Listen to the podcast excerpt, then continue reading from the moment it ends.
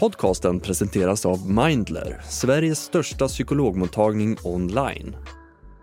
De har hundratusentals följare i sociala medier som vill följa gängkriget ofiltrerat. Det är ju algoritmen som styr och algoritmen kommer att premiera innehåll som är lite på gränsen, som är lite farligt. Så att den här typen av innehåll får ju ofta bra drag. Det handlar om konton som specialiserat sig på att rapportera om det grova gängvåldet i realtid. Kanaler som gängen själva utnyttjar för att skicka budskap till sina fiender. Jag kommer smälla varenda trapp, skjuta varenda huvud. Jag njuter av det här. Jag hoppas ni läser nyheterna. På en kvart får du höra vad personerna bakom kanalerna säger om den roll de själva spelar i våldsutvecklingen. Det är ju på inget sätt kvalitetssäkrad information som kommer därifrån och man kan inte lita på den för fem öre. Men den får väldigt stor spridning.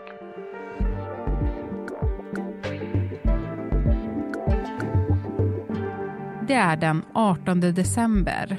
Det här är dagens story från Svenska Dagbladet med mig, Alexandra Karlsson.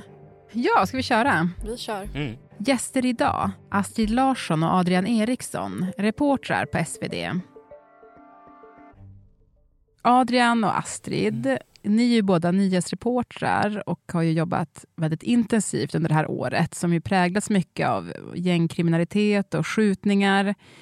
Hur har det varit för er att sitta så nära det här otroligt mörka? Det har varit väldigt speciellt skulle jag säga. Det var ju verkligen någonting som man kastades in i och helt plötsligt var man ehm, bara i bubblan i den här våldsvågen. Dels är det ju väldigt tungt. Det är liksom mänskliga öden, folk som skjuts ihjäl, familjer som drabbas. Samtidigt som det har varit en tsunami av information, ofta motstridig information. Så det har ju verkligen gällt att hålla eh, en balansgång mellan att hålla en kritisk blick och en distans till allting men samtidigt behålla sitt engagemang. Mm. Jag tänker också på de här villaskjutningarna i Västberga och Tullinge i mitten på oktober. Det var två händelser som skedde inom loppet av ett dygn.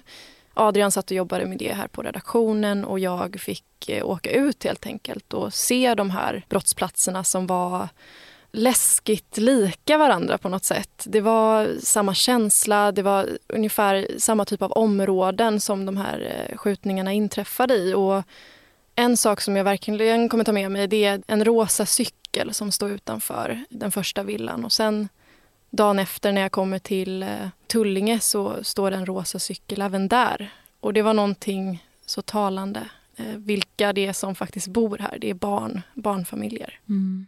Och hur många det här otroliga våldet drabbar. Verkligen.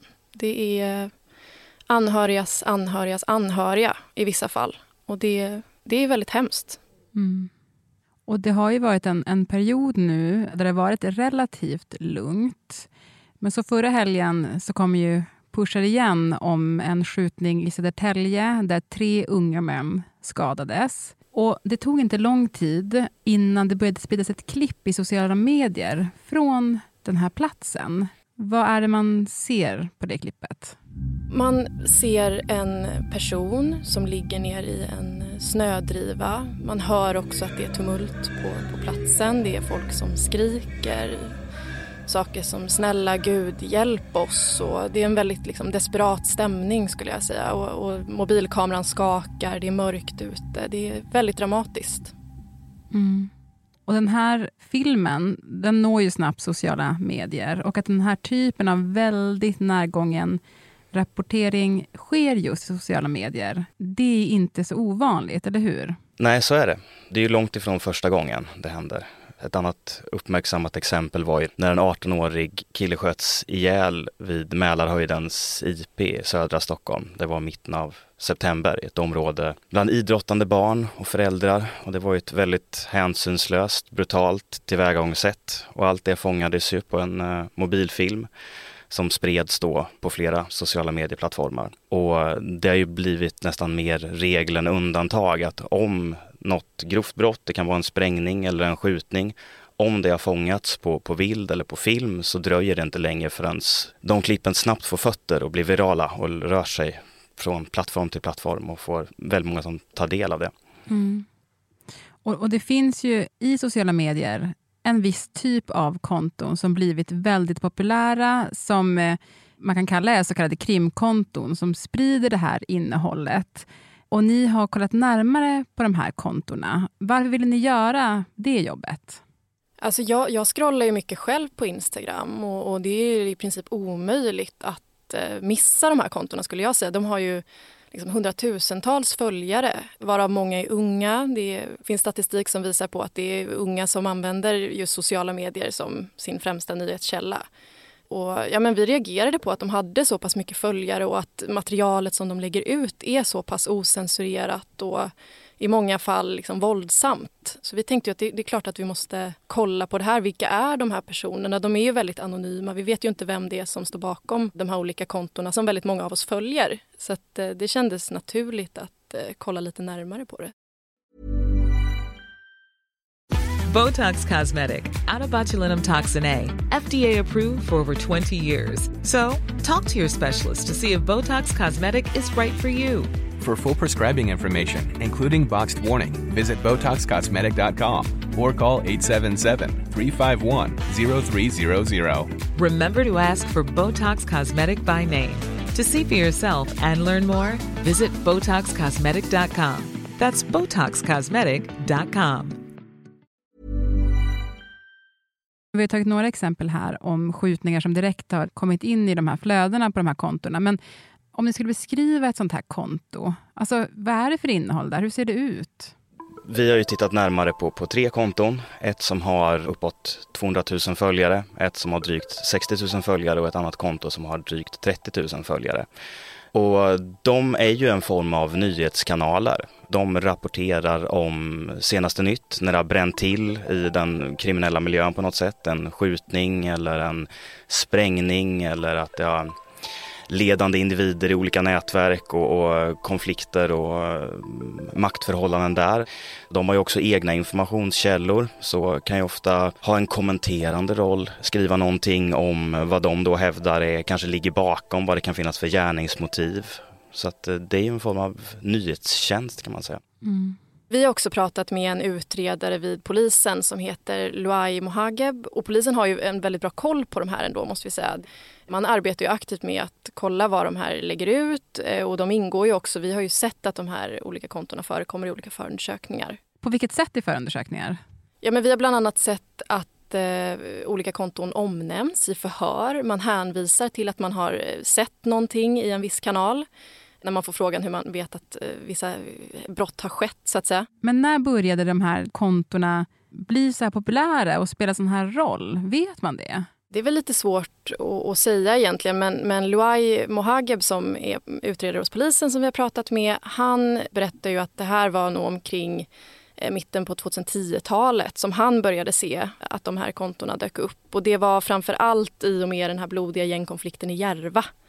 Det började dyka upp olika konton som valde en sida i den här konflikten. Det kunde vara konton som hette saker som Shottaz versus Dödspatrullen som var de här olika sidorna i de olika konflikterna.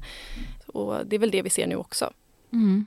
Ja, men en person som är då aktiv i en sån här krimkanal som vi har pratat med berättade också att de startade upp i samband med det väldigt uppmärksammade mordet på rapparen Einar.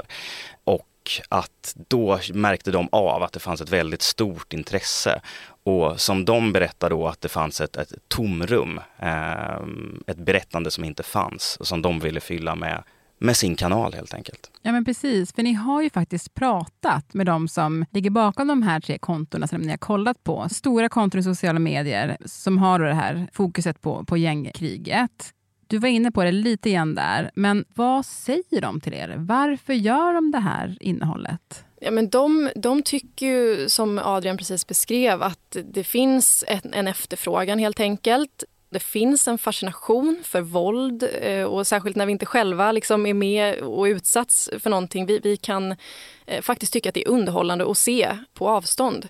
Så att efterfrågan finns och en av de här kanalerna beskriver ju för oss också att man är mån om att visa sanningen, säga som det är utan censur. Mm. Det är ett tema som har gått igen egentligen i samtalet med alla de här som vi har haft kontakt med. Att de ser sig som någon form av samhällets tjänare som vill visa på verkligheten där ute. Hur rå och hänsynslös den än må vara så vill de liksom dra fram det i ljuset och berätta vad som händer. Och att det har varit liksom en drivande motivation för dem. Mm. Ett talande citat som ett av de här kontona har liksom sagt till oss, då, det är att vi lägger ut content som folk gillar att kolla på. Alltså grova saker. Och det säger ju någonting om liksom samtiden, tänker jag. Men jag tror också att det kan finnas liksom en avtrubbning där. Att man, man, har sett ganska mycket och man vill ha mer. Och de här krimpoddarna till exempel, mm. som också bara blir fler och fler. Det säger ju också någonting om efterfrågan. Men jag tänker att ni bevakar ju precis samma skjutningar som de här kontorna gör. Hur skiljer sig era sätt att jobba, skulle ni säga? Ja, men om man lyssnar till vad personerna bakom de här kanalerna säger så lägger ju de ut ofiltrerat material. Visst har vissa av dem gett uttryck för att de ändå tänker efter lite, kanske inte lägger ut vad som helst. Men de är ju egentligen fria att lägga ut vad de vill. För vår del så eh, jag menar varje publicering så måste ju vi som redaktion hela tiden ta beslut om det kan ju vara ganska små saker. Alltså ska vi berätta exakt var det här har hänt? Vad kan vi ge för detaljer? Vad är allmänintresse? Vad är viktigt att få ut där? Men samtidigt hela tiden vägt mot publicitetsskada, människors integritet, men också som vi har sett nu när anhöriga attackerats det kan vara flera släktled bort eller någon som har råkat vara i ett hus där någon har gått in och öppnat eld med ett automatvapen som liksom dödats. Och eh, vi har ju ett jättestort ansvar där med vad vi går ut med. Att inte våra publiceringar leder till att människor skadas, dör eller på andra sätt får svåra negativa konsekvenser. Så där är ju den stora skillnaden. Och ibland kan man tycka väldigt vad liksom tidningar är sega som inte bara dundrar ut allting direkt. Men det finns ju en tanke och det finns ju ett pressetiskt system. Det finns regler som är till för att skydda eh, människors integritet och säkerhet. Ja men precis, och det är också så att om ni skriver någonting eller vi publicerar någonting på Svenska Dagbladet som någon känner är fel eller stötande så kan man ju anmäla det och det kommer liksom utredas. Har vi gjort rätt? Har vi gjort fel? Det finns en ansvarig utgivare som är högst ansvarig. Men de här krimkontorna, de har ju inte det. Nej men precis och vi vet ju inte vilka de är. Vi har ju pratat med de här anonymt för att de ens ska vilja prata med oss. Och eh, vi har ju också fått höra från ett av de här kontona att de får meddelanden direkt från ledargestalter inom gängen. Det säger ju också någonting. Vi har också frågat ett annat konto, är ni liksom själva kriminella eller har, är före detta kriminella? Och eh, då får vi svaret inga kommentarer. Mm. Det är också ganska talande för att eh, vi vet ingenting egentligen. Nej. Ja, men gängledarna har ju också insett själva att genomslagskraften i sociala medier, möjligheten att påverka narrativet, få ut sina budskap, marknadsföra sig själva och precis som Astrid säger så de här kontona berättar ju också att de blir kontaktade av tongivande kriminella som vill påverka deras innehåll. Men i vilken utsträckning de lyckas med det eller om de helt enkelt håller rent, det vet ju inte vi. För att de här eh, kontona är ju som svarta lådor. Till skillnad då från ett mer liksom traditionella transparenta medier. Mm. Fick ni något sånt svar från dem, hur de ser på sitt eget ansvar? För att Polisen menar ju också att de, de här krimkontona kan vara med och liksom elda på konflikter. Som vi var inne på, det är ju liksom en marknadsföringskanal där de flesta som tittar också är väldigt unga. Eh, så det blir också en direkt marknadsföringskampanj för gängen att, att kanske hitta nya utförare. Alltså känner de någon sorts ansvar kring det de lägger ut på sina konton? Alltså ett av kontona som vi har pratat med säger ju att det finns ett tänk Eh, kring källorna. Att man ska ha så goda källor som möjligt eh, och så, så riktig, korrekt information som möjligt och att man faktiskt har ett sånt tänk. Men, eh, men det är ju bara vad de säger. Det är väldigt svårt att liksom få en, en insyn i hur arbetet faktiskt ser ut och hur de gör sina bedömningar. Mm. Till sist, så tänkte jag på en sak. Er eh, liksom, granskning och att vi gör den här podden, det ger ju ännu mer uppmärksamhet till de här krimkontona. Vad tänker ni kring det? Nej men de finns där och det är många som följer dem. Det är många som får information därifrån. Det är på många sätt en, en konsekvens av det brutala gängvåldet vi har sett. Och vår ambition har ju varit att sätta det här i kontext, att med en kritisk blick ställa oss grundläggande frågor som vad är det här?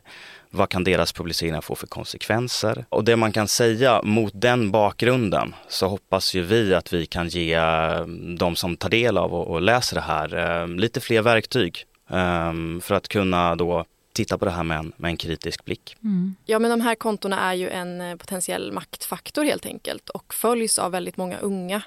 Och vi kanske kan bidra med en medvetenhet när det kommer till, till de här kontona. Ja, men det här är vad de är och det här är hur de ser på sin egna roll. Och eh, det här, men det här är så de jobbar och det de erbjuder. Det är det vi vill berätta helt enkelt. Ja, och tack så jättemycket för att ni kom hit och berättade om det. Tack så mycket. Tack själv.